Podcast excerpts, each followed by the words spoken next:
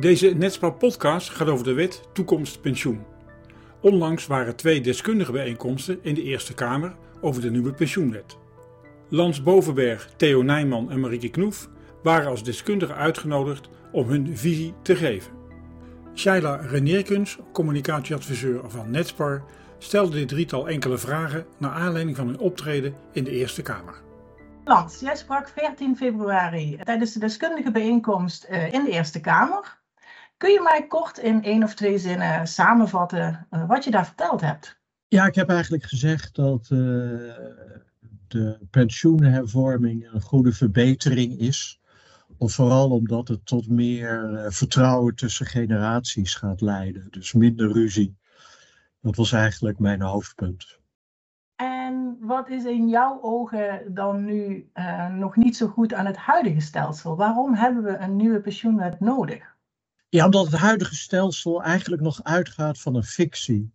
En die fictie is dat, er, uh, dat pensioenen zeker zijn, dat er gegarandeerde pensioenen mogelijk zijn. En dat is eigenlijk een sprookje. En uh, de pensioenwet heeft de moed om dat onder ogen te zien. Doordat het die moed heeft, kan het ook betere regels tussen generaties afspreken hoe we dan met die onzekerheid omgaan ja, die moed om onder ogen te zien dat pensioenen onzeker zijn, dat geeft de mogelijkheid om dan betere afspraken met elkaar te maken over eerlijke verdeling van risico's. En daardoor zullen generaties minder ruzie krijgen.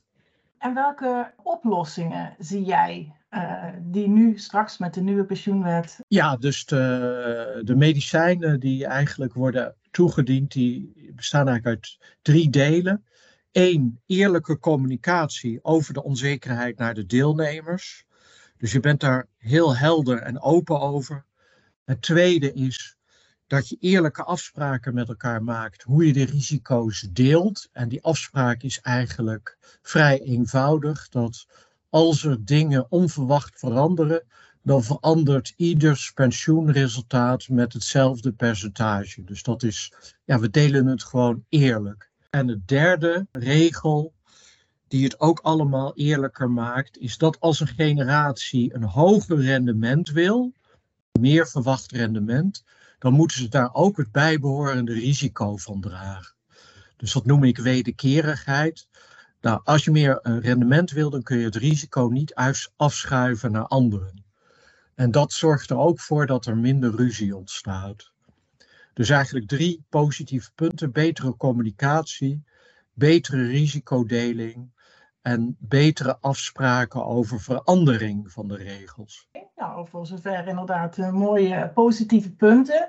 Zie je ook zorgen? Zijn er ook aandachtspunten in de nieuwe wet? Er zijn een aantal aandachtspunten. De eerste gaat over de transitie, hoe we van het ene systeem naar het andere gaan. Het verbaast mij nogal dat uh, bij die overgang de regels uit het huidige oude systeem zo centraal staan, terwijl dat oude systeem eigenlijk behoorlijk pervers is op een aantal punten. Dus ik zou liever zien dat we eerder gaan denken vanuit de regels uit het nieuwe systeem. Ik denk dat dat uh, fijn zou zijn. Dat gaat dus over de overgangsproblematiek. En dan heb ik ook nog twee aandachtspunten voor wat betreft de meer lange termijn situatie. Eerste gaat over het risico van eh, inflatie en van veranderingen in risicopremies. Ik denk dat uh, de manier waarop inflatierisico wordt gedeeld in het nieuwe contract, dat dat uh, daar beter kan. En dat het, als je dat beter doet, door het meer te doen via het financiële kant van het contract, dat is een technische term, het gaat dan over beschermingsrendement en dergelijke, dan komt er ook meer ruimte om in het sociale deel, het solidariteitsreserve deel, om meer aan deling van het risico, van veranderende risicopremies te gaan doen. Dus dat zouden de, de regels nog iets uh, beter kunnen maken. Dat is het eerste structurele aandachtspunt. Het andere structurele aandachtspunt betreft de premies. Uh, het huidige stelsel gaat heel erg uit van vaste premies.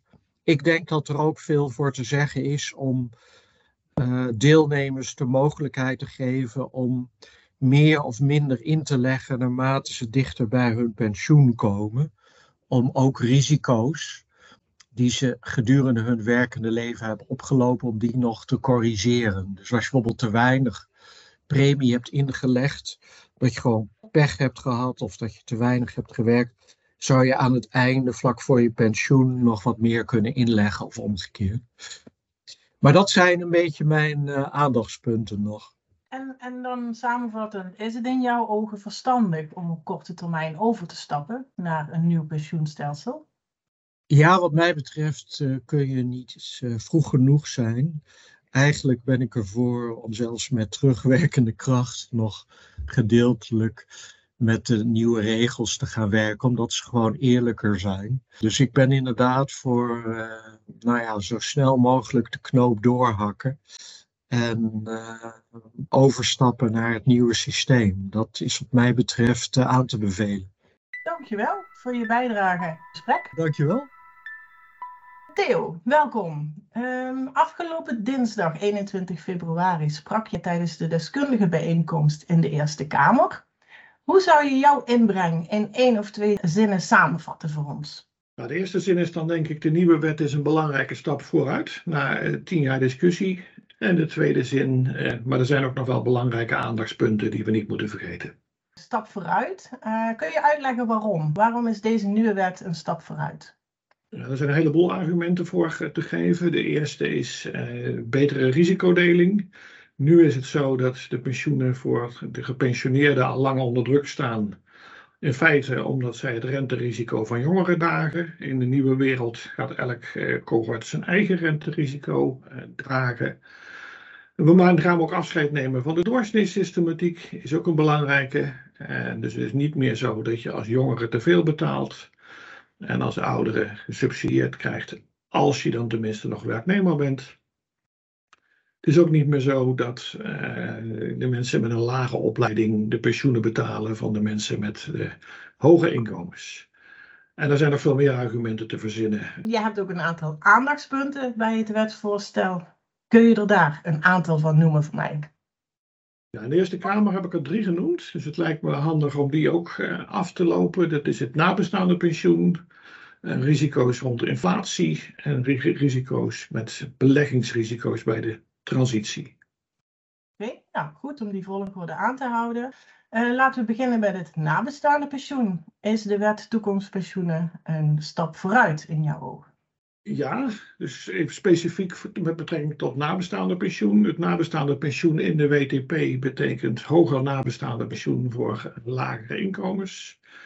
En het betekent ook een einde aan de enorme wirwar en chaos van bestaande regelingen. Dus dat lijken me belangrijke stappen vooruit. Maar, en het maar zit dan onder andere op uh, de aansluiting in het nabestaande pensioen wat je krijgt uh, bij overlijden vlak voor pensioendatum of vlak na pensioendatum.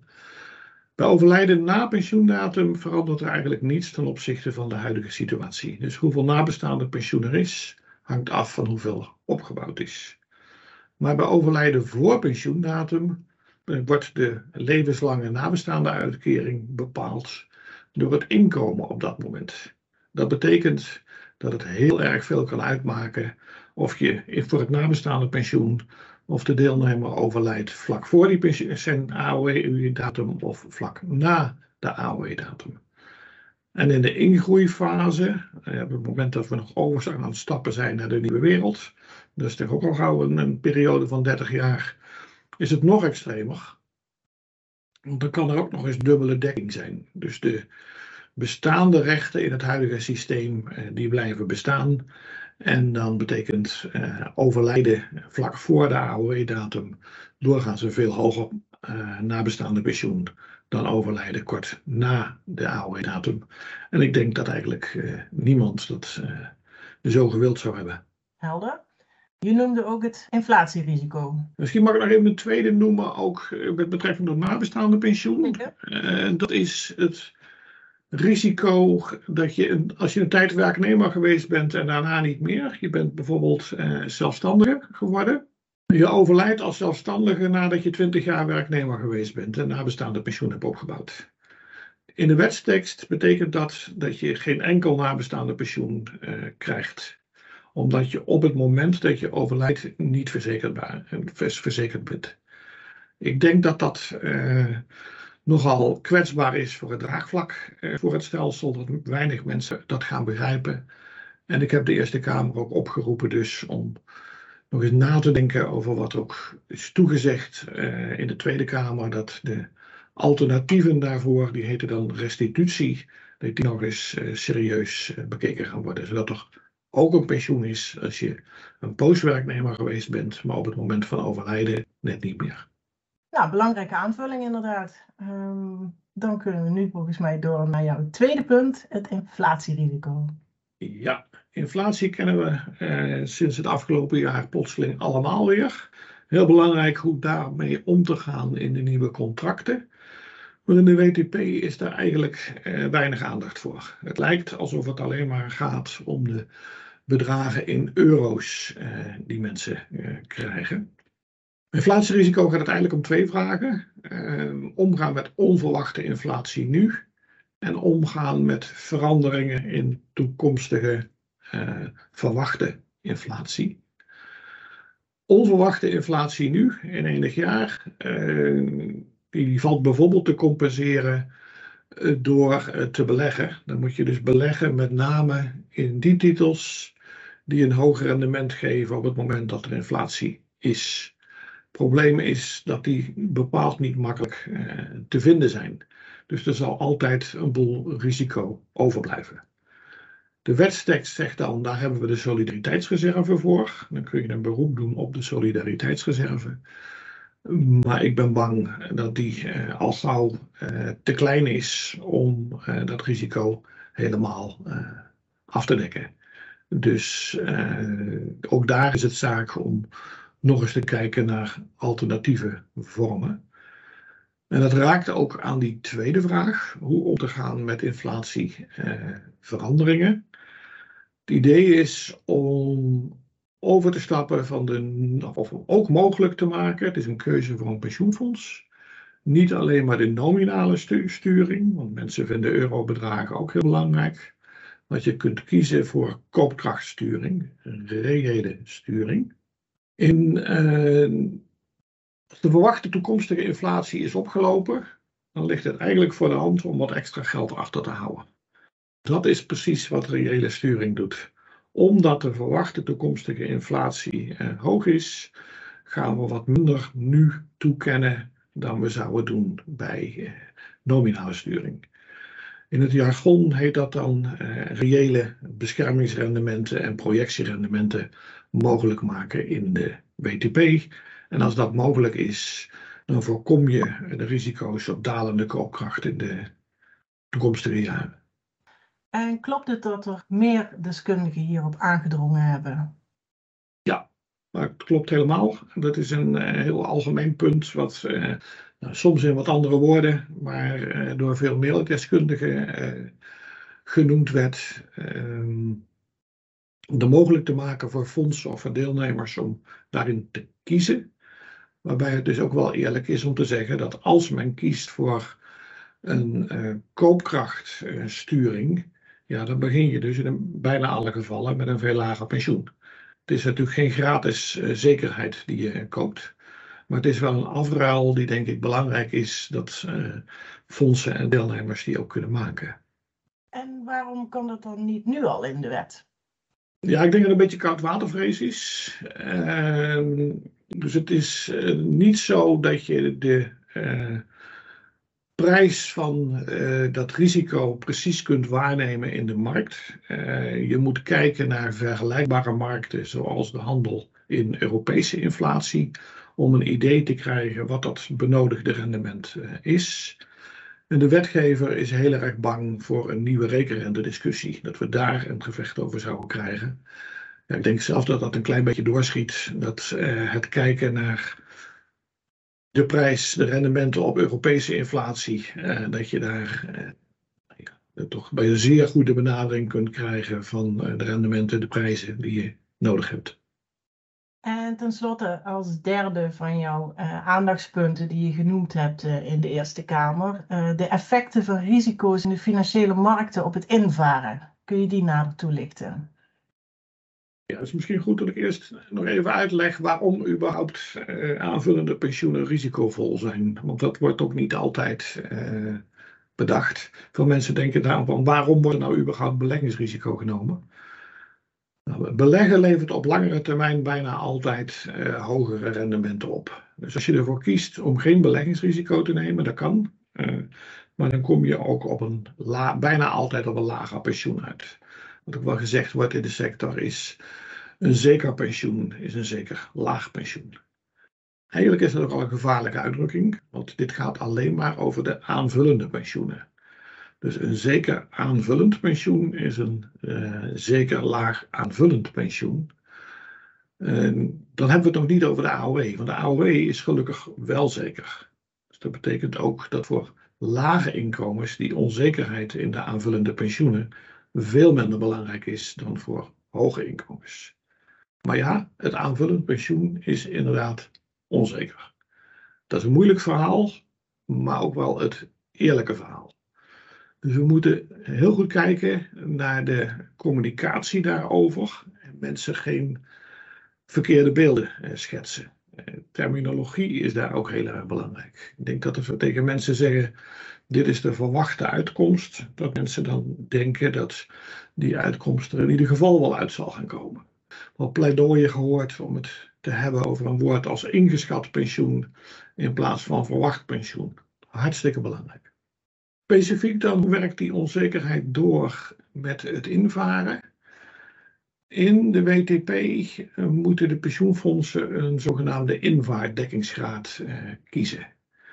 Die invaardekkingsgraad, uh, dat is als alle rendementen precies op verwachting uitkomen, dan kom je precies op dat punt uit en dan weet je van tevoren precies op welke dekkingsgraad je gaat invaren, kun je uitrekenen wat precies de inkomensconsequenties voor deelnemers zijn.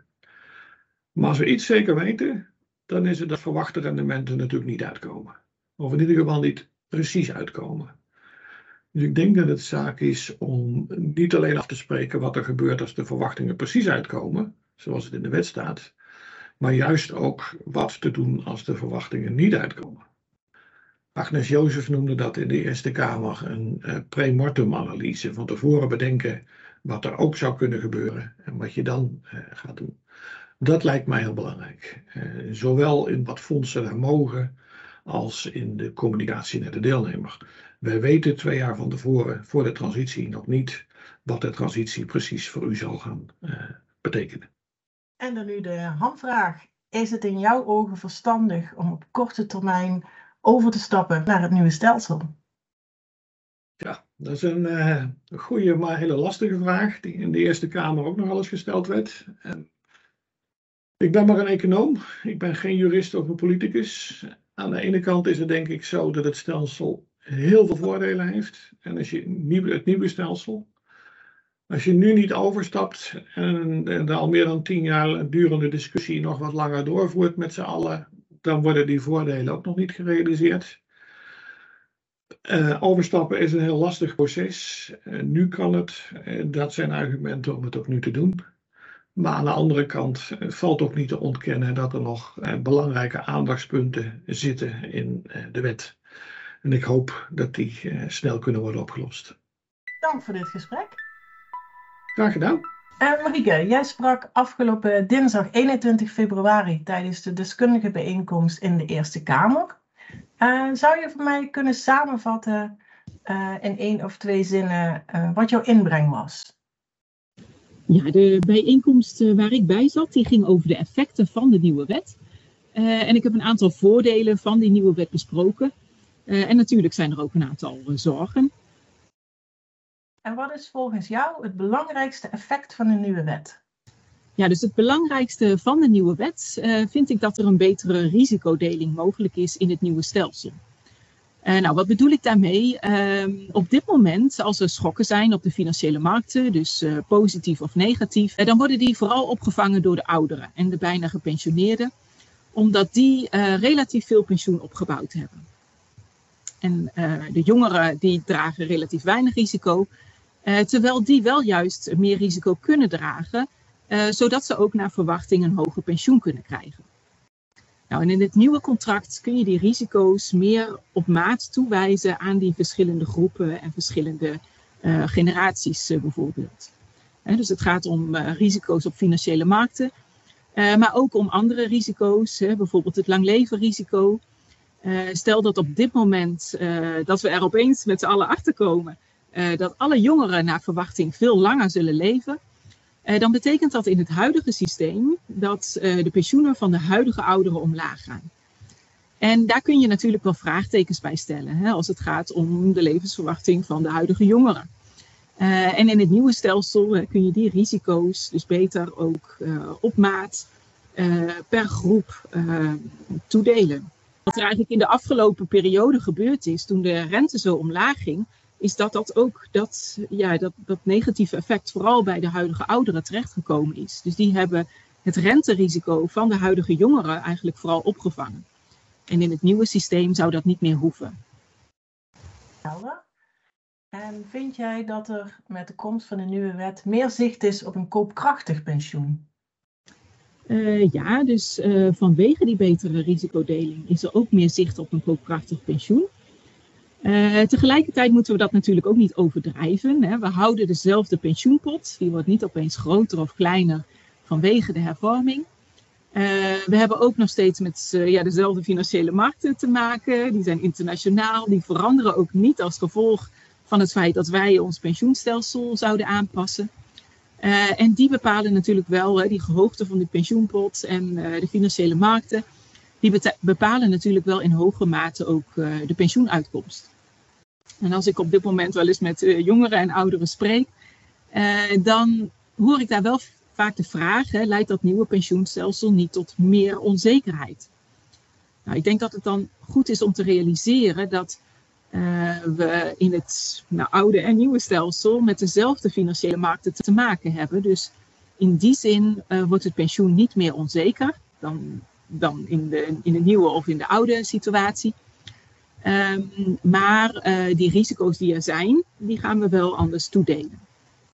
Dus, uh, en vanwege de vergrijzing, die, die ook niet te stoppen is, uh, zijn we wel ook meer afhankelijk geworden van die financiële markten.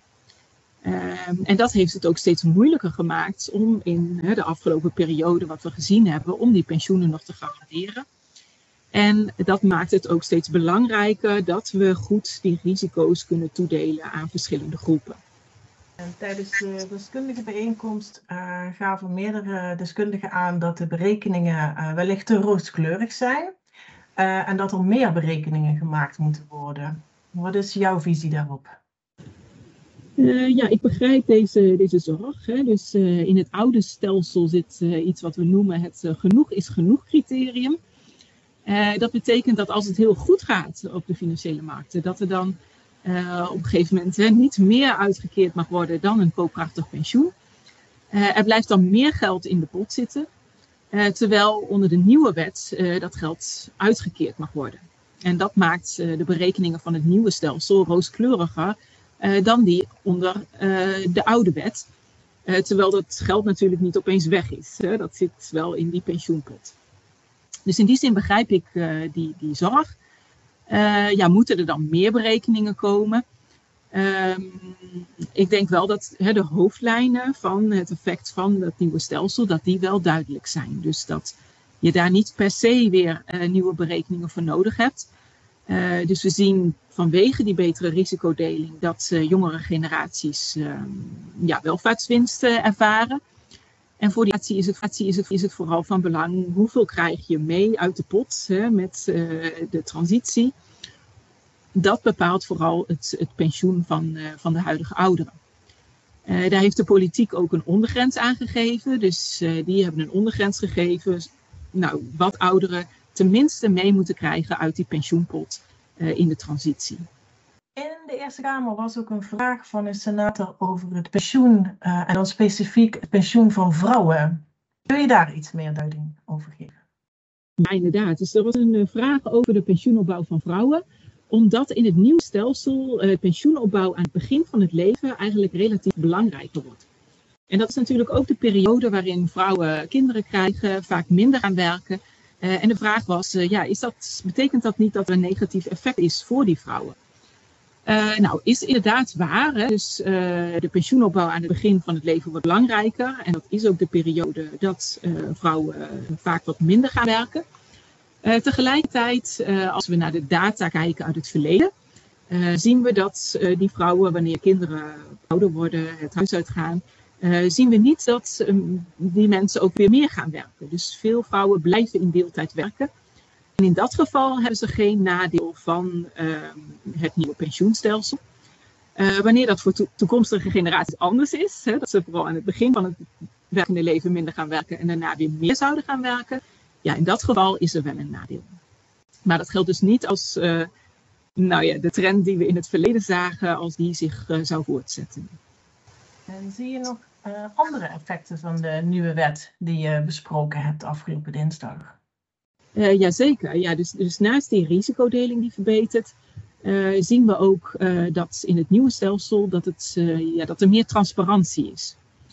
er was natuurlijk ook een poging om het nieuwe pensioenstelsel eenvoudiger te maken. Nou, dat is denk ik niet echt gelukt, maar het is wel meer transparant. In die zin dat duidelijker is hè, wat uit die grote pensioenpot, welk stuk daarvan is voor jou opgebouwd. Uh, nou, we zien in onderzoek dat uh, eh, 40% van de jonge mensen denkt, uh, nou later is er geen pensioen meer voor mij. Dat vind ik best wel, best wel schokkend eigenlijk. en ik hoop dat met die meer hogere transparantie, dat die jongeren daar iets zekerder van kunnen zijn. Iets geruster kunnen zijn dat er ook daadwerkelijk voor hen later pensioen is. verder is er ook nog de afstraffing van de doorsneesystematiek.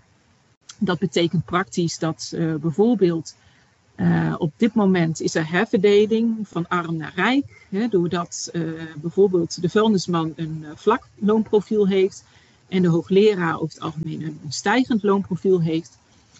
dat betekent dat die hoogleraar op oudere leeftijd eigenlijk relatief goedkoop nog extra pensioen kan opbouwen.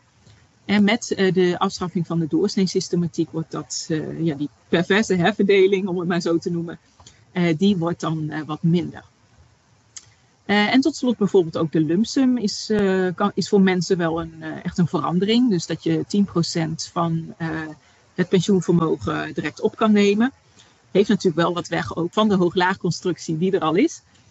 Um, en ja, keuzebegeleiding is natuurlijk ook belangrijk omdat je ook nog met belastingen en toeslagen zit. En ja, het voor mensen natuurlijk belangrijk is wat ze uiteindelijk in de portemonnee overhouden. Maar het kan ze wel meer uh, flexibiliteit geven we in de uitgaven na pensionering. Dus dat zijn eigenlijk ja, diverse nou, positieve veranderingen. Eh. Vind jij het verstandig om op korte termijn over te stappen naar het nieuwe stelsel? Uh, ja, dus ik gaf een aantal uh, positieve veranderingen zojuist aan. Dus dat geeft voor mij reden om te zeggen, nou het is verstandig om, om over te stappen. Uh, de transitie is natuurlijk best wel spannend. Ehm, uh, nou, ik hoor, uh, ik heb natuurlijk ook wat andere uh, bijdragen gehoord in de Eerste Kamer. is daar wel genoeg tijd voor ingeruimd voor die transitie? Eh, gaat dat juridisch allemaal wel goed met eigendomsrechten en, en andere zaken? nou, daar kan ik als econoom wat minder over zeggen. Dus dat zijn vooral ook de juristen en de uitvoerders die daar beter zicht op hebben. hoe makkelijk of hoe snel die transitie al dan niet mogelijk is en wat daarbij komt kijken. Ik heb ook wel aangegeven, eh, samen met diverse andere deskundigen, dat het inflatierisico eh, nog beter gedeeld zou kunnen worden. Maar los daarvan, ja, zo gauw weer natuurlijk het mogelijk is om de transitie te maken en om in dat nieuwe stelsel terecht te komen, uh, ja, dan kunnen we ook profiteren van uh, diverse voordelen van het nieuwe stelsel. Hartelijk dank. Dank voor je antwoorden en dank voor dit fijne gesprek. Dankjewel. Hartelijk dank voor het luisteren naar deze Netspar Pensioen en Wetenschap podcast. Meer weten over ons pensioenonderzoek? Volg ons kanaal voor meer podcastafleveringen of kijk op www.netspar.nl.